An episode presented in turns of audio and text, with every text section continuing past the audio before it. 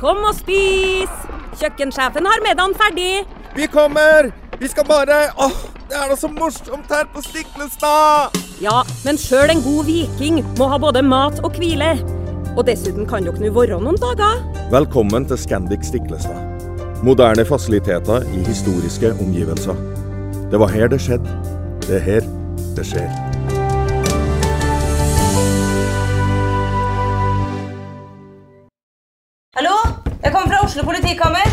Ine Jansen er purk. Er du purk? The motherfucking bitch. Alt jeg vil, er å finne ut hva som skjedde med mannen min. Jon Carew. Er jeg sikta for noe? Iben Akeli. Det er du. Ole So, Lars Berrum og Big Daddy Karsten. Hvem sin side er du på, egentlig? Anette Hoff, Tone Danielsen, Kommer du fra Afrika? Jørnis Josef, Nesten. Kløfta. Trond Espen Seim, Det er synd å si det, men det var feil mann som døde. Purk. Premiere tirsdag på TV2 Play.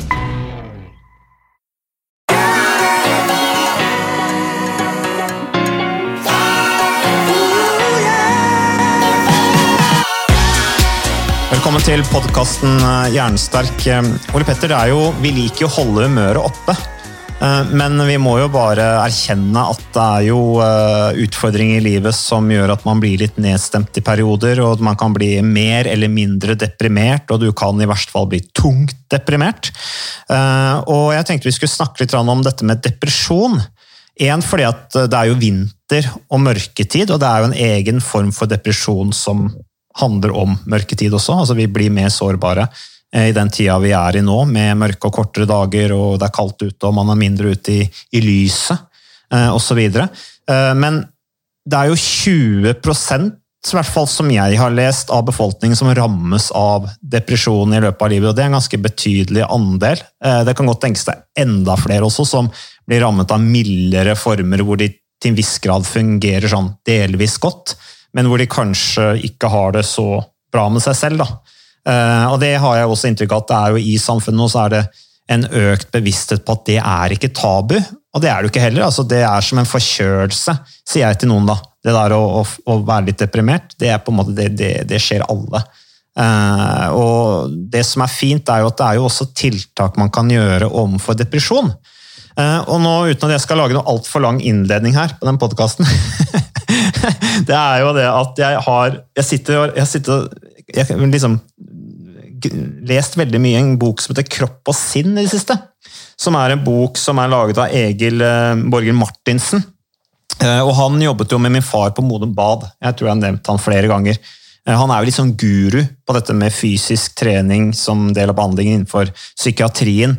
Eh, Og i den boka så står det altså så mye bra. Så til den podkasten her så har jeg altså lagd et notatark som er altfor langt, så jeg kommer sikkert ikke til å holde meg til Nei, Gjør dere klar for en to timer lang eh, episode? det, blir, det kan bli en drepende lang episode, men det skal vi ikke ha det. Men hva er depresjon, Ole Petter? Først. Ja, Det er jo et veldig godt spørsmål, da. Fordi at eh, det er ikke noe eh, eksakt vitenskap. Eh, Når vi skal stille diagnosen depresjon, så er det noen kriterier som må legges til grunn. Og det er jo nedstemthet. At man mister gleden ved aktiviteter man tidligere satt pris på. Søvnvansker, uro, altså nedsatt funksjonsnivå i hverdagen som har vedvart over litt tid. Og så er det jo utrolig vanskelig å, å skille mellom ja, hva, hva er forskjellen på depresjon og det å være trist, lei seg. Litt ute av slag. Ja, og jeg pleier å si at det å være trist det er en naturlig del av livet vårt. En naturlig del av følelseslivet vårt. Eller det kommer innimellom. Ja, altså. Det er en naturlig del av og til. i livet. Ja. Jeg mener ikke at det er naturlig å være vedvarende trist. Men det er noe For det er jo litt trist. Nei, det ville vært litt trist. Men det er noe alle opplever Mm. gjennom livet, kanskje flere ganger også. Det er normalt. Det er rett og slett bare det å være et menneske. Så hva er forskjellen på å være trist og deprimert? Og det handler nok mest om intensiteten på, på eh, symptomene.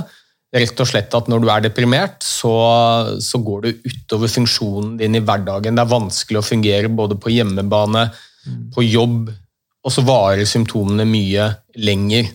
Men det er altså noen sånn helt klare kriterier som vi som leger bruker for at vi skal kunne stille diagnosen depresjon.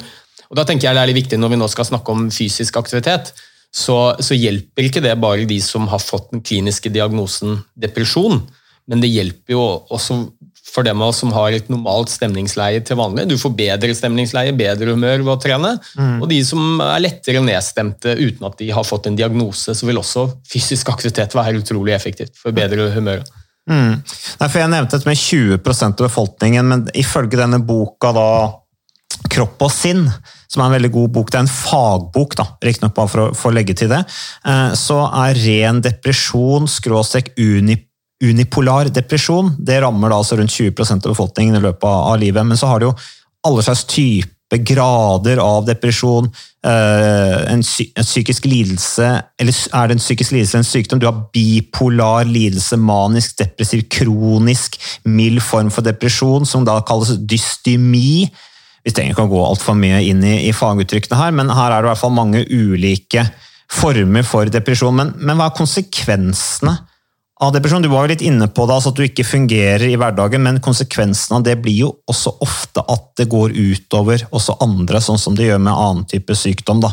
Og I ganske stor grad, tenker jeg også, for hvis f.eks. jeg som far er deprimert og fungerer dårlig i hverdagen, så vil det jo gå utover familien min, tenker jeg. Ja, selvfølgelig vil det det. Altså, du sier det er 20% av nordmenn som får en behandlingstrengende depresjon i løpet av livet. Tallet er nok mye høyere når det gjelder depresjon også, bl.a. fordi det er en del mørketall. Eh, og det er riktignok nok blitt mindre tabu rundt dette å snakke om at man sliter psykisk og, mentalt, men det er fortsatt noe som veldig mange kvier seg for å, snakke med andre om. Altså, mange som går rundt og sliter med dette uten å fortelle sine nærmeste engang. Langt mindre fastlegen, så vi tror nok tallene er betydelig høyere. Vi skal jo være så happy hele tida, vet du. Altså Når du spør ja, går det bra, altså forventningen er jo at da skal du si ja, ja, det går bra. Ja, og jeg har jo pasienter som sier det. Altså, fortsatt i dag så er det jo mye lettere å si at vet du hva, jeg halter litt, jeg har fått en meniskskade i kneet. Ingen som sliter med å fortelle det til folk rundt seg. Men å fortelle noen, andre venner, bekjente, til og med familie, at du sliter litt med nedstemthet og depressive tanker, den terskelen er veldig mye høyere for folk flest. Fortsatt. Men, men jeg tenker jo at det er for så vidt greit. Altså, du, er, du, har det kanskje ikke noe bra, uh, og så treffer du en eller annen sånn perifer person da, som du kanskje jobber med, og så spør ja, går det bra. Det er vanlig høflighet, og så svarer du går det bra. Men det som er viktig da, er jo eh, det er jo greit at du ikke deler uh, privatlivet ditt med vedkommende.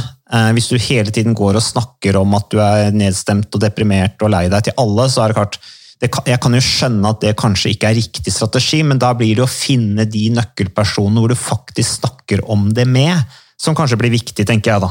Absolutt. Altså din kone eller, eller mann, hva det måtte være, eh, foreldre, en god venn, i verste fall en eller annen krisetelefon. Ja. Ja, ikke sant? Dette er jo en sykdomsgruppe, dette med depresjon, nedstemthet osv. En av de sykdomsgruppene som har størst negative konsekvenser både for individet og de nærmeste rundt individet, og også samfunnsøkonomisk. Fordi For individet så er det jo veldig sterkt knyttet til det med redusert livskvalitet og funksjon i hverdagen, kanskje i større grad enn nesten noen annen type sykdom en av de viktigste årsakene til sykemeldinger, langtidsuførhet, nedsatt arbeidsevne, faller ut av arbeidslivet. Som arbeidslivet er jo også en viktig sosial arena som ofte kan forsterke plagene. Det går ofte hardt utover de nærmeste også, og det er ikke så vanskelig å se for seg. Hvis du bor sammen med en du har en far eller mor eller en ektefelle som er dypt deprimert, så, så, har det ganske store ringvirkninger for dynamikken og funksjonsnivået i hele, hele familien. Så, um, og faren er jo gjerne at man, at man unngår å snakke med folk som er deprimerte, fordi at man føler at de suger kreftene ut av deg. Uh, og det er jo en utfordring tenker jeg, for deprimerte, fordi at de mister etter hvert kanskje interesse fra folk som har lyst til å ha noe med det å gjøre, fordi at de syns det er så tungt å snakke med vedkommende. Ja, da, og så er det jo sånn at mange av de som blir deprimerte, og spesielt de som blir dypt deprimerte, mange mister litt gleden og, og ønsket om å gjøre de tingene som tidligere var viktige for dem. ikke sant? Og Det inkluderer å være sammen med familien, det inkluderer hobby. altså Det har så store ringvirkninger. Ikke bare for individet, eller negative konsekvenser for individet, men også alle, alle rundt det.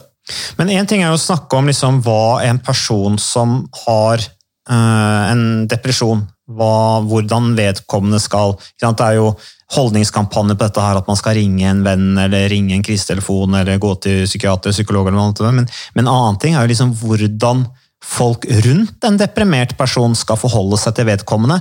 Der burde man jo også kjørt eh, kampanjer for å øke bevisstheten rundt det, tenker jeg. Fordi at det er jo også, Hvordan snakker man til en deprimert person? For det er jo tungt å snakke til en deprimert person. Fordi at de, de gir jo ikke akkurat veldig mye av seg selv. Men hvis det er en i nær familie, f.eks., så må man jo man må jo forholde seg til vedkommende. Nå kommer jula, kanskje, og du skal invitere en eller annen tungt deprimert eh, far eller onkel eller hva det måtte være, hjem. Så, må, så er det jo noe med å vite litt hvordan man snakker til en deprimert person. Hva er din erfaring på det? Nei, altså Mitt eh, viktigste tips er rett og slett bare å, å, bry seg. Hvis du har noen i din nære omgangskrets, venner, familie, noen du kjenner godt, og du opplever Det er jo ganske lett hvis du kjenner noen godt Eh, på kroppsspråk og måten de snakker på, så får man fort et inntrykk om om ting er bra eller ikke. Rett og slett å tørre å spørre. Mm. Du, Mats.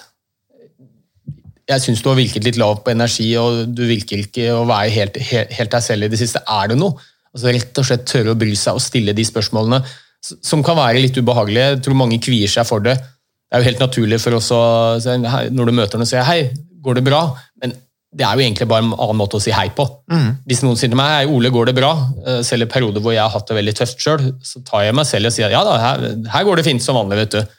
Mens jeg egentlig har lyst til å si at nei, vet du hva, har du tid til å snakke litt med meg? For akkurat nå har jeg det ikke så bra i, i det hele tatt. Altså, Da blir jo folk mildt sagt overrasket. Mm. Så eh, det er mitt viktigste tips. altså Bry deg. Eh, tør å stille de spørsmålene som du egentlig lurer på. altså Hvordan går det egentlig med deg? Mm. Trenger du noen å snakke med? Mm. Jeg tror veldig mange da um, har et intenst ønske om det, men man er jo ofte sånn at man vil ikke plage andre, og man syns det er litt ubehagelig å snakke om. Så tør å stille spørsmålene, bry deg.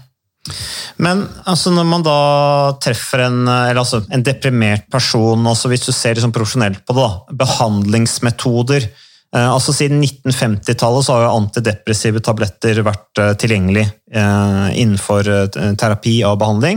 Og så har du det sånn elektrostimulasjon eller elektrosjokkbehandling. Du har kognitiv interpersonlig terapi. Dette er jo notater jeg har tatt fra denne boka 'Kropp og sinn'. Det er ikke det at jeg kan så mye om behandling.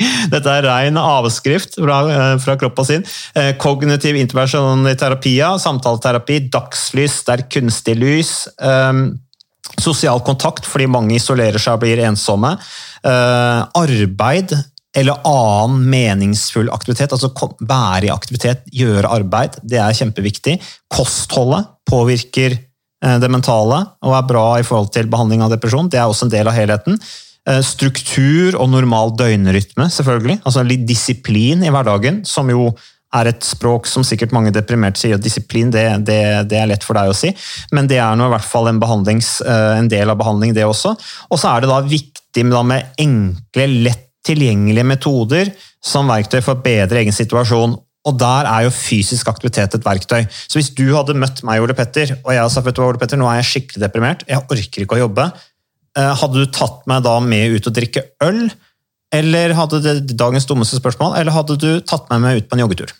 Jeg heter jo ikke eh, treningslegen for ingenting. Nei, det er dagens dummeste spørsmål. Jeg heter ikke øllegen eller alkohollegen.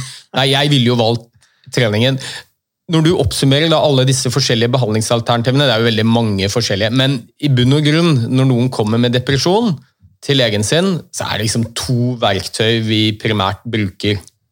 Det ene det er medisiner, mm. Eh, og kanskje spesielt disse såkalte lykkepillene som for øvrig er et tåpelig navn, gir pasientene et litt sånn uh, falsk forhåpning om hvor effektive de er. Ja, for jeg får veldig lyst til å gå på lykkepiller uansett. Ja, selvfølgelig, Hvem liksom. har ikke lyst på en lykkepille? Ja. Men det er jo ikke lykkepiller. det er, På fagspråket heter de SSRI. Selective Serotonin Reuptake Inhibitors. Mm. Det er rett og slett at de øker mengden av et viktig signalstoff for humøret vårt, som heter serotonin. Der har man lenge trodd at pasienter som er deprimerte, de har litt for lite serotonin i kontaktpunktene mellom nervecellene. Så disse medisinene øker mengden serotonin. Og Det gjør vel at du sover bedre òg, gjør det ikke det? For mange, ja. ja. Altså disse, og disse medisinene de fungerer for en del pasienter, men de har en del bivirkninger. Mm. Ikke overraskende, det er medisiner. Alle medisiner har bivirkninger. De viktigste er vel eh, kanskje, litt avhengig av hvem du er, men vektoppgang, munntørrhet, en del for seksuelle problemer. Eh, og Disse tingene er jo ikke noe du kanskje ønsker deg hvis du er deprimert fra før. Nei, Du blir vel kanskje ikke noe mindre deprimert av det? Nei. Så det er medikamentell behandling. finnes en del andre litt eldre typer antidepressiva også, som brukes, eh, bl.a. ved såkalt manisk depressiv lidelse, så er det litt andre medisiner. Men for kall det vanlig depresjon, som eh, er den depresjonsformen som rammer flest, så er det legemidler. To, og så er det samtaleterapi. F.eks. med en psykiater eller en klinisk psykolog. Det vi på fagspråket kaller kognitiv atferdsterapi som handler om forholdet mellom hva du tenker og føler, og hvordan du handler. Altså atferden din. Så det er mer hvordan skal du forholde deg til de utfordringene du har, og klare å leve med de. Altså minske symptombyrden ved å ja, se litt på sammenhengen mellom de følelsene du har, og hvordan du handler og oppfører deg. Ja, det, det er kort fortalt det som heter kognitiv atferdsterapi. Mm. Som er effektivt for veldig mange, mange, pasienter. Det er rett og slett å gå til en psykiater eller en psykolog og ha regelmessige samtaler. Mm. Og så er det jo én behandlingsform som er sterkt undervurdert og underkommunisert. Og det er jo fysisk aktivitet.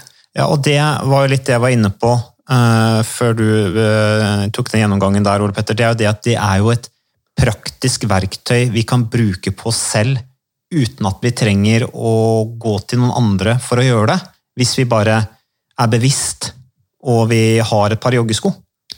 Absolutt. Og så vil jeg også presisere at når det kommer noen som er deprimerte, og vi som leger da har forskjellige verktøy, så er det jo ikke sånn at vi velger det ene eller det andre. Det kan gjerne være en kombinasjon også. Mm. Og Det kommer jo litt an på hvor dypt deprimert du er. Vi deler jo gjerne depresjon inn i lett, moderat og tung depresjon. De aller fleste nordmenn som sliter med depresjon, får det en eller annen gang i løpet av livet, har lett til moderat depresjon. Og Da vet vi veldig godt, det er robuste forskningsdata som forteller oss at det å være i fysisk aktivitet, trene regelmessig, og det er ikke så mye som skal til heller, det er vel så effektivt i det lange løp som medisiner mm. og kognitiv atferdsterapi. Men det går selvfølgelig an å kombinere de. Hovedpoenget mitt er at før man starter med medikamentell behandling, som jo koster penger, har bivirkninger, til dels alvorlig også, så bør man starte med det som er enklest og godt dokumentert. Mm. Nemlig den fysiske aktiviteten. Og bare for å ta et eksempel da, hvor enkelt fysisk aktivitet er som behandlingsmetode på seg selv. Eh, og nå, nå, beklager jeg til de som, at, de som, tenker at jeg sitter her og sier at ting er enkelt. Jeg skal ikke bagatellisere noen ting her. Eh, men jeg har tilbake til denne boka Kropp og sinn. Her er det et sitat som jeg har brukt ganske mye også når jeg er ute hos de bedriftene mine som jeg jobber med et sitat fra Nelson Mandela, som altså satt inne i over 20 år på Robin Island eh, for sin kamp mot apartheid. Og I sin biografi, da, eh, 'Long Walk to Freedom', så beskriver Mandela hvordan han gjennomførte et daglig treningsprogram eh, på rundt en time, også i perioder hvor han satt isolert på enecelle. Altså han trente kondisjonstrening ved å jogge på cellegulvet, og drev i tillegg da styrke bevegelighetstrening og han mente at dette bidro til at han da kom ut av fengselet sterkere og som et rikere menneske. Nå skal jeg ta det sitatet fra Nelson Mandela. Nelson Mandela sier altså i biografien sin Jeg har alltid trodd at fysisk aktivitet er en nøkkel, ikke bare til fysisk helse, men også til sinnsro. Mange ganger lot jeg mitt sinne og frustrasjon gå ut av en boksesekk i stedet for å ta det ut av en kamerat eller enda til en politimann. Trening løser oss spenninger, og spenninger ødelegger sinnsroen. Jeg fant ut at jeg arbeidet bedre og tenkte klarere når jeg var i god fysisk form, så fysisk aktivitet ble en ting i mitt liv som jeg aldri har avkall på. Og det, klart, det, ville sikkert vært ganske enkelt for Nelson Mandela å sette seg til. Altså, jeg vil jo tro at det var ikke veldig stimulerende å være i fengsel. Nå kan du si at Nelson Mandela var allerede en stor person, eh, eller hadde sitt store prosjekt. da som kanskje var veldig drivende. Han tenkte sikkert at han ville komme ut en dag, at det dermed skulle være sterkest mulig. Men altså, over 20 år i fengsel Det burde være ganske gode muligheter til å bryte ned Nelson Mandela, tenker jeg. Og det virker som han liksom var litt sånn bevisst på det, og at han brukte fysisk aktivitet eh, da for å rett og slett ta vare på seg sjøl. Eh, både fysisk og mentalt, sånn som han beskriver i det avsnittet. Det syns jeg er veldig interessant. Og så er du litt inne på behandling. og det er en del sånn undersøkelser da, på fysisk aktivitet i forbindelse med, i kombinasjon med andre uh, andre, andre typer behandling. Uh, og det er jo da, Her er det et sitat igjen da, eh, fra denne boka 'Kropp og sinn'. Et titalls befolkningsundersøkelser fra forskjellige land finner de fleste at mengden fysisk aktivitet på fritiden er positivt, er positivt korrelert med generelt velvære og humør, og negativt korrelert med depresjon. Uh, og så står det da i disse analysene er det altså kontrollert for sosial status, fysisk helse, slik at resultatene ikke kan forklares ut fra disse viktige eh, faktorene. Så fysisk aktivitet, som du sier, Ole Petter, er undervurdert. Ja, og jeg blir jo ofte spurt ja, hvorfor er du så opptatt av dette med fysisk aktivitet eh, når det gjelder behandling og forebygging. Jeg, jeg sier jo det, at det er veldig underkommunisert, undervurdert eh, i helsevesenet. Det brukes nesten ikke innenfor psykiatrien. Det er noen hederlige unntak, det har vi snakket om flere ganger, Modum Blad bl.a., men eh, det ville gjort underverker for mange pasienter og folkehelsa hvis vi fikk øynene opp mer for fysisk aktivitet. Og jeg har gjerne lyst, hvis jeg får lov, begrunne det.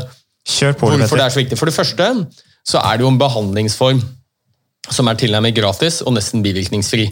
I motsetning til veldig mange andre typer behandlinger. Og så vet vi at det er det mest effektive verktøyet vi har for å forebygge. Vi vil jo helst forebygge istedenfor å behandle. Sånn Ni av ti helsekroner i Norge brukes til å reparere skader som allerede er inntruffet. Det er åpenbart at det er bedre å, å forebygge en depresjon enn å måtte behandle den. Ja, og det kan For faktisk forebygges. for. Absolutt. Vi vet i dag at den viktigste risikofaktoren for å bli deprimert, den risikofaktoren vi kan faktisk gjøre noe med, det er fysisk inaktivitet. Inaktivitet er en viktig risikofaktor for å utvikle depresjon senere i livet. Og Det er godt underbygget i, eh, gjennom forskning. Den store Hunt-studien som vi har nevnt flere ganger. 33 000 trøndere som ble fulgt opp i 11 år. Man kartla livene deres i detalj, mye de beveget seg, røykevaner ja.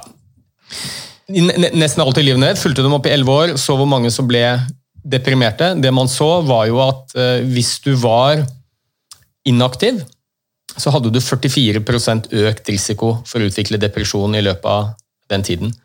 Hvor mye skulle til for å forebygge depresjon? Mye mindre enn det folk tror. Det har vist seg at det var én treningsøkt i uka var nok til å forebygge depresjon. Du viser til Hunt-undersøkelsen her, Ole Ja. Petter. og her har Jeg også, jeg har også funnet notater fra Hunt som viser altså at 12% av depresjonstilfellene kunne vært forebygget med én time fysisk aktivitet i uka. Jeg tenkte det. Og det, da, det blir jo da under målsettinga til helsemyndighetene, til og med. Absolutt. Og, og her snakker vi jo også om en behandlingsform som ikke bare gjelder mot depresjon.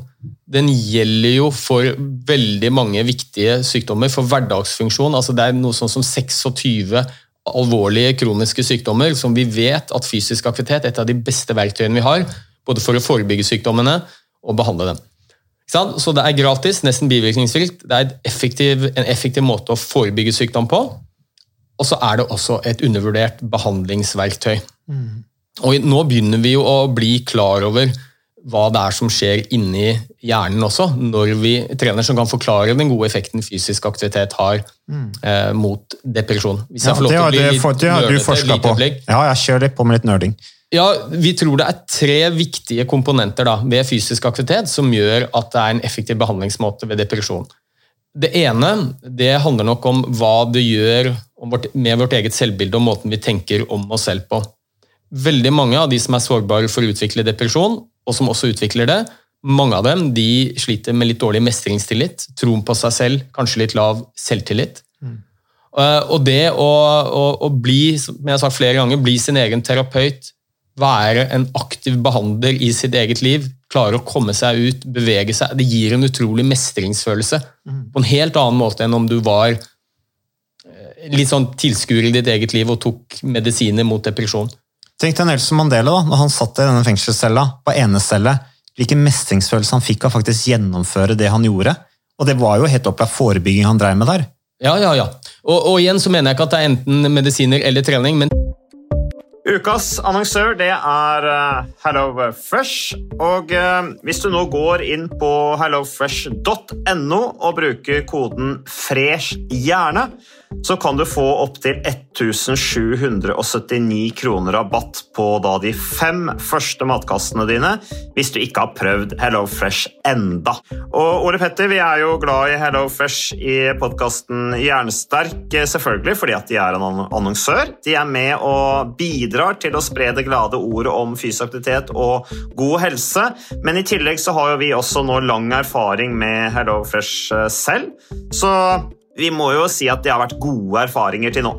Ja, absolutt. Visste du Mats, at HelloFresh det er faktisk verdens ledende matkasseleverandør? og Tilbudene til HelloFresh gjør det enkelt å lage gode og varierte retter som skaper matglede. Og matglede vet du, det er like viktig som hva du putter i munnen. Det å spise mat med folk du trives med. Så gjennom 25 nye og inspirerende retter hver uke så bidrar HelloFresh til dette. Du kan bestille ekstra porsjoner om du får gjester, eller hoppe over uke hvis du f.eks. skal bort. Mm. Og Det er ingen bindingstid, og du velger leveringstidspunkt og dag selv, så leverer HelloFresh matkassen din akkurat når det passer deg. Ikke dårlig, Mats. Nei, det er veldig bra. Så, eh, og dette er med enklere hverdag, det kan jeg nå skrive under på. For nå, forrige erfaring vi hadde forrige uke, Ole Petter, det synes jeg var Det var jo et gjennombrudd eh, for familien Kaggestad. For da lagde rett og slett barna de lagde middag og serverte middagen, så den var ferdig laget og servert da når eh, min kone Marita og meg kom hjem fra jobb. Og jeg mener Det var jo bare helt utrolig. Eh, det var helt fantastisk. Det ble en nydelig middag. Riktignok de, de, de, de roter og søler litt, det gjør de. Så, men, men, maten ble veldig god. De var veldig stolte over å kunne ha både laget og servert maten, så det var helt fantastisk. Så vi har jo da i siste så har vi eh, spist eh, bl.a. sitron- og dillstekt hyse med ovnsbakte grønnsaker og aioli. Eh, vi har spist middelhavsinspirert kylling. Taco, så finnes det mange ulike typer taco. F.eks. vietnamesisk taco, som vi har spist. Thailandsk vegetargryte. Veldig riktig og sunt uh, i dagens uh, samfunn med, med, fokus på bærekraft. Hvitløk og chilistekte reker i spagetti, det var definitivt en vinner. Så det er så flott. Du får rimelig mat ved at du kun betaler for det du trenger, så det blir ordentlig feststemning med Hello Fresh. Det gjør det, og nå er det bare for deg å gå inn på hellofresh.no og bruk koden 'fresh hjerne'. Da får du opptil 1779 kroner rabatt på de første fem matkassene dine hvis du ikke allerede har prøvd HelloFresh. Du kan også bruke rabattkoden hvis du har stoppet abonnementet ditt for tolv måneder siden eller mer. Er det noe å lure på? Håper maten smaker godt. Bon appétit! Treningskomponenten av bevegelseskomponenten i behandlingen din, om du er deprimert, mm. enten du bare gjør det eller bruker medisiner i tillegg, det er med på å styrke troen på seg selv, mestringstillit, som er et basalt behov for oss mennesker. Mm. Det fører til en belønning i hjernen som gjør noe med humøret vårt. Så Det er det ene det endrer måten vi tenker om oss selv på. Det andre er jo hva som skjer kjemisk inne i hjernen. og Der har vi veldig lenge trodd at det er først og fremst disse signalstoffene, kanskje serotonin, som øker litt når vi beveger oss. Men det viser seg at det er nok mer nyansert enn som så. Det er sikkert flere forskjellige forklaringsmodeller. Men den som er mest i vinden nå, og som er spesielt interessant, det er jo at um, pasienter som er deprimerte, de har litt for få såkalte vekstfaktorer inne i hjernen sin. Og Det viktigste vekstfaktoren der er noe som heter BDNF. Mm. Brain Derived Neurotrophic Factor. Som jeg tidligere har omkalt som hjernens gjødsel. Den gjør at nervecellene snakker bedre sammen, blir mer robuste, og vi kan til og med lage nye nerveceller. Og Da viser det seg at den mest effektive måten å øke BDNF på, det er ved å trene. Og, og du kan til og med lage nye nerveceller. Så kjipt at vi ikke har en pille for det? Ja, det er jo noen som jobber med det også. Mm, Treningspillen som du da skal kunne ta istedenfor å trene. Så det skjer mange kjemiske endringer inne i hjernen, bl.a. med dette BDNF. Og så vet vi at det er noen kjemiske stoffer som heter endorfiner. Kroppens naturlige morfinlignende tilstander. Og Har du noen gang tatt morfin i forbindelse med operasjoner etter operasjoner for eksempel, og hatt sterke smerter, så vet du de aller fleste blir ganske euforiske. Mm. Dette er ja, våre ja. egne kjemiske substanser som ligner på morfin, eller morfin ligner på disse, eh, som vi skiller ut når vi trener. De gjør noe med humøret vårt. Så har vi disse endobinokanoidene, som eh, ligner på virkestoffet THC, som vi finner i marihuana og i hasj. Det er våre egne kjemiske stoffer som vi lager, som også bedrer humøret. Så det er en rekke kjemiske reaksjoner inni der. Så mye dop i trening, på en måte? Ja, ja rett og slett. Så det er punkt to. Det skjer kjemiske endringer som løfter humøret vårt. Kan til og med stimulere til å lage nye nerveceller når vi trener. Og det tredje, som kanskje er litt undervurdert, det er jo at fysisk aktivitet påvirker jo ikke bare hodet. Det påvirker så godt som alle organsystemene i hele kroppen. Og vi vet at veldig mange som er deprimerte, de har såkalt komorbiditet. Altså det er andre tilstander som følger i kjølvannet ofte av depresjonen. Det blir sånn høna eller egget? Ja, typisk. Og det kan være, gå begge veier, selvfølgelig, men um, at det er disse andre tilstandene som fører til depresjon. Men ofte så ser vi at deprimerte har økt risiko for å utvikle muskel-skjelettplager, eh, hjerteinfarkt. De lever i snitt en del år kortere enn de som ikke har depresjon. Så alle disse følgetilstandene de bedres jo også ved å være i fysisk aktivitet. Mye lavere risiko for muskel-skjelettplager, lavere risiko for hjerte-karsykdom, lavere risiko for kreft osv. Så, videre. så det er, det er jo vind over hele fjøla. Mm. Det er ganske interessant det du sier der, man snakker om fysisk trening, at man blir fysisk sterkere osv. Men det der når du sier at du utvikler hjerneceller, eller koblinger mellom hjerneceller altså Det skjer faktisk noe fysisk oppi hodet ditt når du er fysisk aktiv. Det er ikke bare en følelse, men det er faktisk noe fysisk som skjer oppi hodet ditt når du er ute og trener fysisk. Ja, og det er også noe fysisk som skjer når du er deprimert. Blant annet så ser vi at deprimerte de har ofte et økt utskillelse av kortisol, som er et viktig stresshormon. Kortisol er drepen for nerveceller, og vi vet at høyt kortisolnivå over tid kan rett og slett drepe en del nerveceller, kanskje spesielt i det hukommelsessenteret vårt, hippocampus. Så vi ser hos deprimerte når vi gjør eh, undersøkelser med sånn funksjonell MR og PET-skanning, hvor vi gjennomlyser hjernen deres, så ser vi at de har bortfall av en del nerveceller, bl.a. hippocampus. Kortisol er jo stresshormonet som vi omtalte, hvordan stress påvirker hjernen. Mm. Kronisk stress. Eh, og Det forklarer jo også hvorfor en del pasienter med depresjon sliter med dårlig hukommelse. Det er noe vi har observert over veldig lang tid. Ikke helt visst hvorfor, men nå når vi kan se hjernen, gjennomlyse den og se, hvordan nervecellene ser ut, så, så, ser vi at det er færre nerveceller i hippocampus. Mm. Og Hva er den beste måten å øke antallet nerveceller i hippocampus på? Jo, Det er ved å trene. Da kan vi lage nye nerveceller. Mm. Så fysisk aktivitet påvirker en hel rekke forskjellige prosesser i hjernen som er viktige ved, depresjon. Fysisk aktivitet er vidunderlig. Jo, men tenk deg, tenk deg da, alle de tingene jeg nå har sagt som fysisk aktivitet gjør. Tenk deg om du hadde en pille som gjorde det. Mm. Da uh, har vi ja. snakket om børsverdi, da. Det hadde blitt verdens mest solgte legemiddel i løpet av kort tid. Det, den må vi prøve å, å ta patent på. Men uh, en annen ting da, det er jo at du mister jo fysisk aktivitet. Det er jo det der å være ute i naturen, være ute i omgivelser med andre osv. Vi skal ikke ta alt det der nå, men jeg bare tenkte tilbake på dette med depresjon. Og fysisk aktivitet i behandlingsøyemed. Vi hadde jo min far på en av disse tidligere podkastene vi hadde i sommer, hvor han snakket om Modum Bad. Uh, og Kjempeinteressant det de har gjort der. Men den første artikkelen i et psykiatrisk tidsskrift som omtalte fysisk aktivitet som behandlingsmetode ved depresjon, det er over 100 år gammelt. 1905. 1905, ja. Mm. American Journal of Insanity het det den gangen. Da var de ikke så spesielt opptatt av politisk korrekthet. Nå heter det American Journal of Psychiatry for øvrig. Ja, de skrev altså hvordan fysisk aktivitet medførte da betydelig bedring i tankemessige, kroppslige og følelsesmessige problemer eh, for to alvorlige deprimerte pasienter, da, som var de de observerte på. Og Da tenkte jeg at tilbake til sitater da, av litt sånn store personer. Altså, det er et eksempel i denne boka 'Kropp og sinn' fra den store matematikeren Sofus Lie, som i 1890 var innlagt på en nerveklinikk i Hannover med en alvorlig depresjon. Eh, og Det er litt spennende, fordi at han godeste Sofus, altså etter et langt uh, i denne, uh, altså et langt opphold, da, så ble det beskrevet hvordan han bokstavelig talt gikk seg frisk.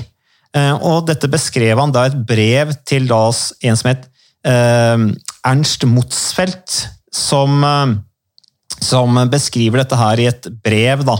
Eh, og Jeg kan jo ta det sitatet av han Sofus Lie, eh, med dette, hvor han beskriver hvordan han har gått seg frisk. og Dette er på sånn gammelnorsk. da. Eh, så, så sier han dessverre har jeg været en umulig pasient, skriver Sofus Lie.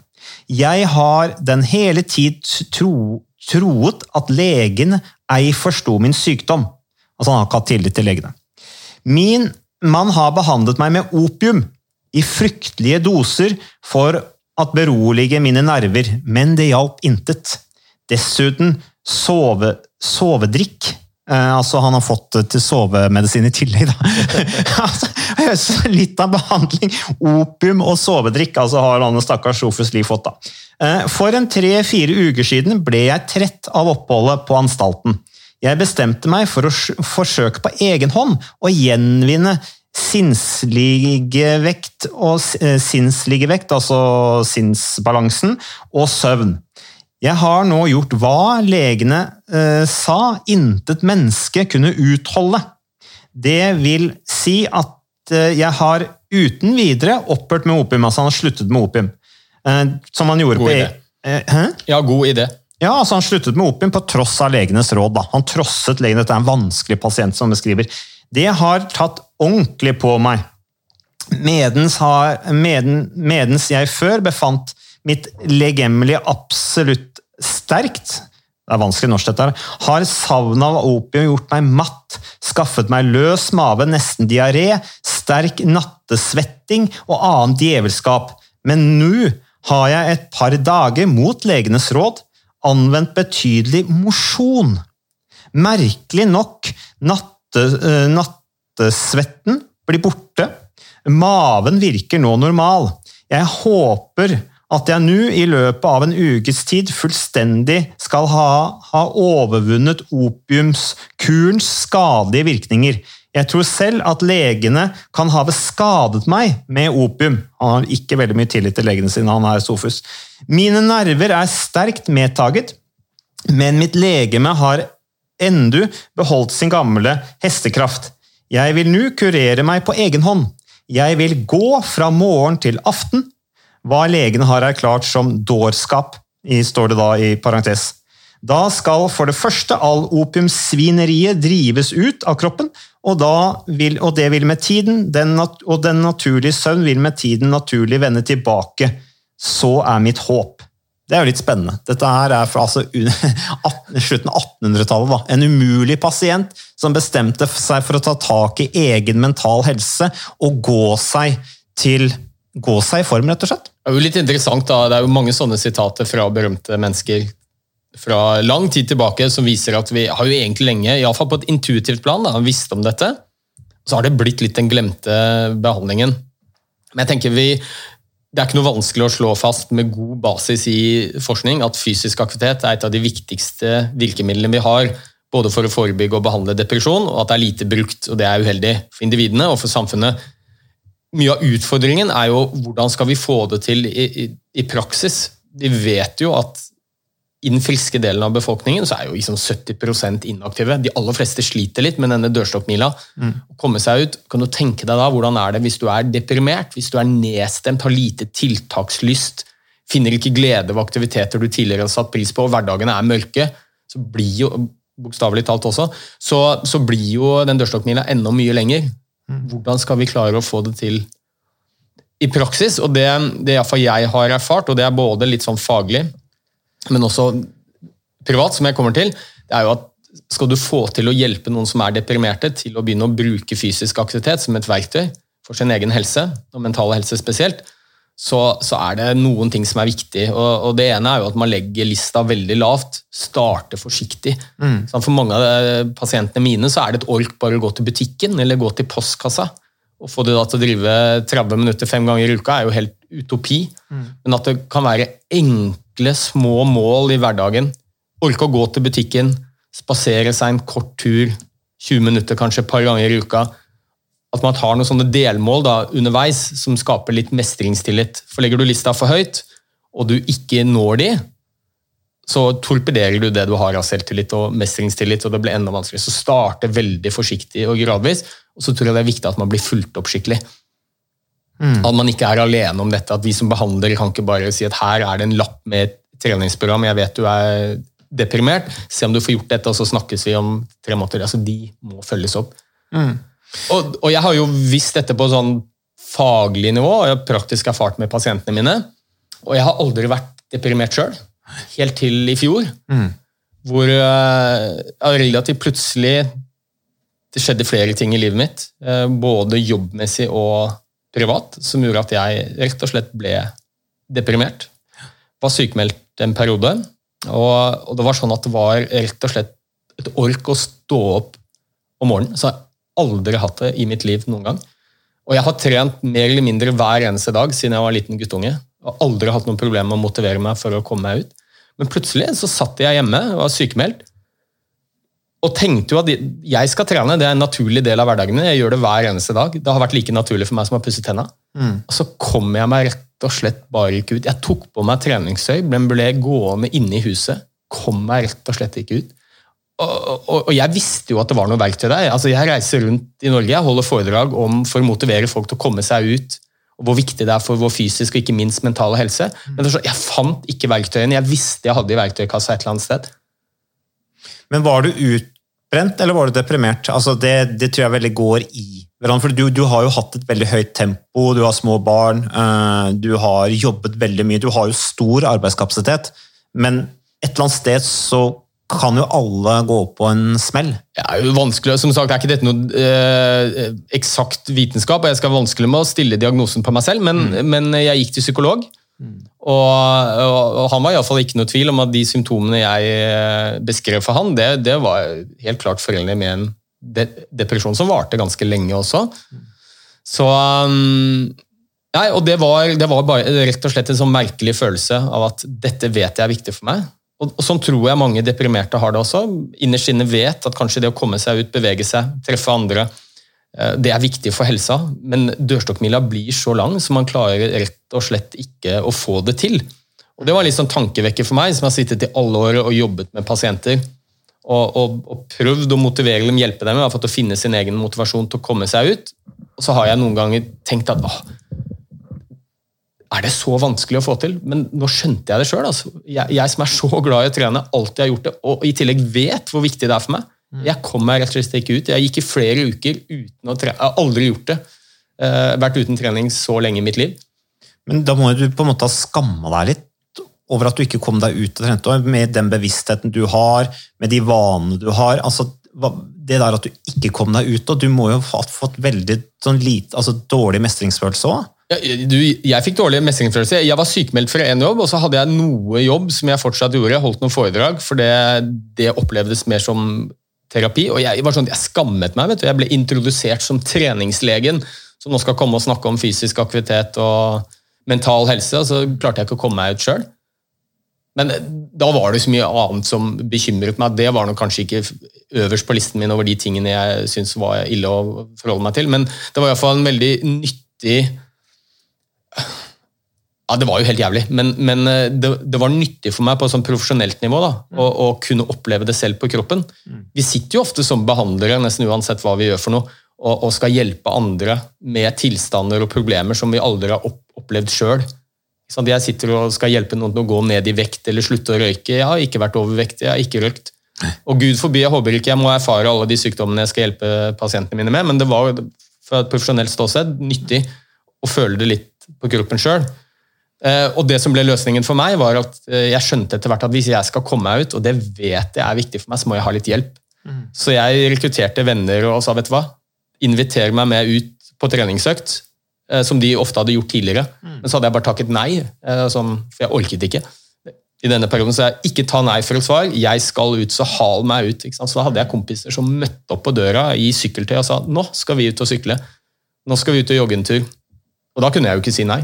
nei. Og Hvordan følte du deg da i den perioden der etter at du har vært ute og trent? Nei, det var jo kjempebra, ikke sant? men mm. det visste jeg jo på et rasjonelt nivå. Det var rett og slett bare virket helt uoverkommelig å komme seg ut. Mm. Så, så, det tror jeg er en av de største utfordringene, og det er selvfølgelig mange som er mye mer plaget uh, av dette enn det jeg var. Mm.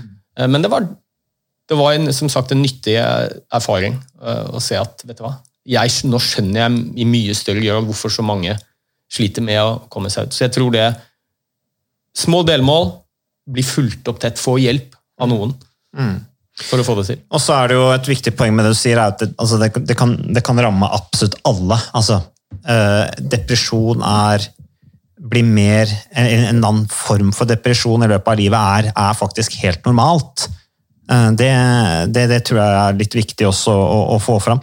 Men du snakker om dette her med, med at det skal være lav terskel osv.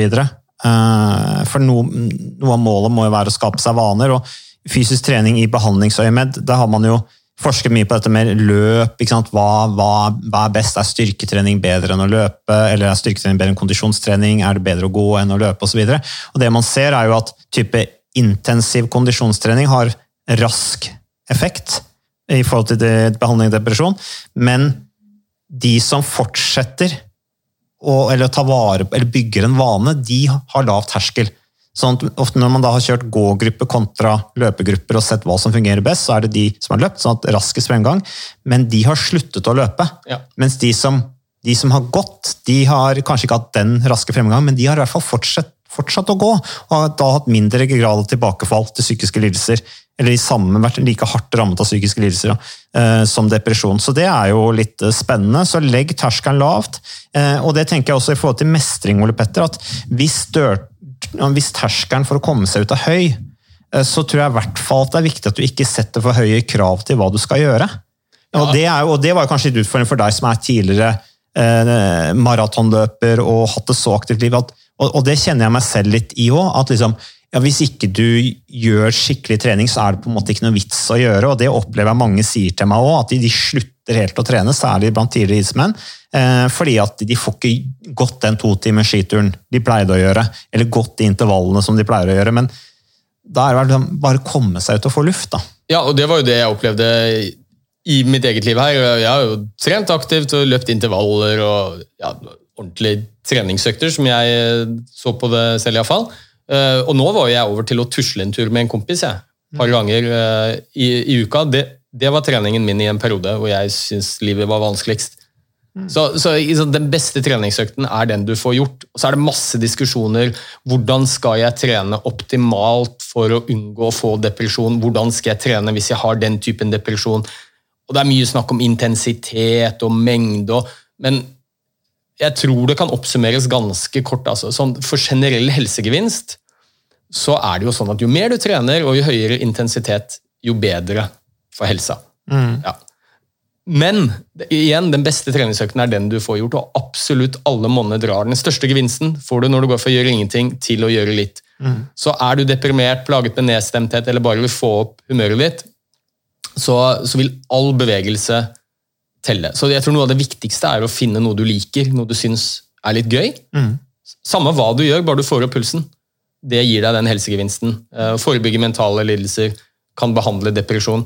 Finn noe du syns er gøy, gjør det gjerne sammen med noen andre, så det blir litt forpliktende. Det, det tror jeg er noe av det aller viktigste. Og ikke tenk kanskje primært på hva er den helt optimale økten. Altså Ikke la det perfekte bli den godes fiende. For da er det mye vanskeligere å komme seg ut. Mye vanskeligere å få gjort disse voldsomme perfektøktene enn bare å komme seg ut og gå seg en tur. Så det, det er viktig, altså. Og, Finn noe du tror du kan gjennomføre, for det, det er så viktig med den der mestringstilliten. altså. Du nevnte, bare Nå kan vi snart oppsummere, Ole Petter, det blir, ikke en to timer lang podkast allikevel. Vi har fått gjennomgått veldig mye, syns jeg. denne her, Men du, du sier det der at du avtalte noe med en venn i forhold til fysisk trening. Du, du sier også en, at de kom og sykla med deg og sånne ting. Men du sier også at du var ute og tusla med en kamerat. I begynnelsen av denne episoden her så snakka vi om det der med, eh, med betydningen av å ha noen å snakke med hvis man er deprimert. Og for en eh, om, som har en som er deprimert i omgivelsene, altså hvordan skal man være sammen eh, i, i sammenheng med at en er deprimert? Da tenker jeg, da slår du to fluer i en smekk hvis kameraten din tok deg med ut og gikk en tur. Ja. Da fikk dere snakka sammen, og du fikk vært fysisk aktiv- i tillegg. Ja, og det er litt sånn, Så jeg var veldig veldig glad for da, jeg, da livet buttet litt ekstra imot for meg. Så var jeg veldig glad at jeg har brukt mye tid og energi på å ha et bra sosialt nettverk. Jeg har mange Kanskje ikke så mange, men jeg har i hvert fall en del veldig gode, nære venner som skjønte ganske fort at jeg ikke hadde det helt bra, og jeg var ganske åpen om det også, og de virkelig tok ansvar. altså Rett og slett kom og henta meg. Så nå skal vi gå en tur, og så var det walk and talk. Vi fikk opp pulsen litt, og så var det rett og slett få lov å prate om de tingene som var litt vanskelige. Det var ganske befriende. Ja, og når du vandrer, så vandrer tankene, som det heter. Så eh, Det er et sitat der fra Shakespeare Hamlet. Tanker kommer lettest til vandrende mennesker. Så jeg tror vi skal la det være Ja, du vil si noe mer? Ja, det er typisk meg. Det Ja, skal alltid, det er så det, bare jeg kommer på noe jeg har glemt å si. Ja. Nei, Nå har vi jo snakket mye om depresjon. eh, Og da har jeg bare lyst til å gjenta det jeg startet med, eller i fall ganske tidlig i episoden, og si at du behøver ikke å være deprimert, du behøver ikke engang være trist av og til for å ha nytte av fysisk aktivitet og trening på humøret. Selv de som er helt normalt stemningsleie, vil få et enda bedre stemningsleie. Det er godt dokumentert i forskning også. og, og det har også vist at det har ganske langtidseffekter. Altså, jeg gjorde en studie blant annet på helt friske universitetsstudenter. En gruppe som trente regelmessig, nå snakker vi tre ganger i uka, halvtime av gangen, så man ble litt svett vannpusten, over seks måneder. Og så hadde man en kontrollgruppe som ikke gjorde det, og så har man fulgt dem opp over mange mange år og ser at det økte stemningsleiet, humøret, livskvaliteten, som man ser blir bedre når man er i regelmessig aktivitet, det vedvarte i veldig veldig mange år etterpå. Selv om de ikke nødvendigvis trente så mye, de som hadde vært i treningsgruppa. Så dette med fysisk aktivitet er viktig for humøret hos alle, uansett om du er helt frisk, normalt stemningsleie, eller om du er deprimert. Trening er medisin, og det er veldig god forebygging. Tusen takk for at du hørte på Jernsterk.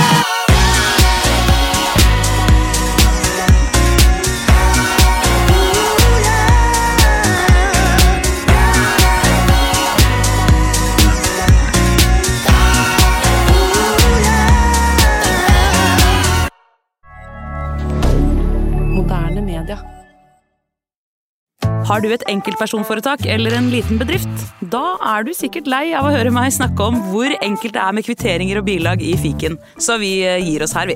Fordi vi liker enkelt. Fiken superenkelt regnskap.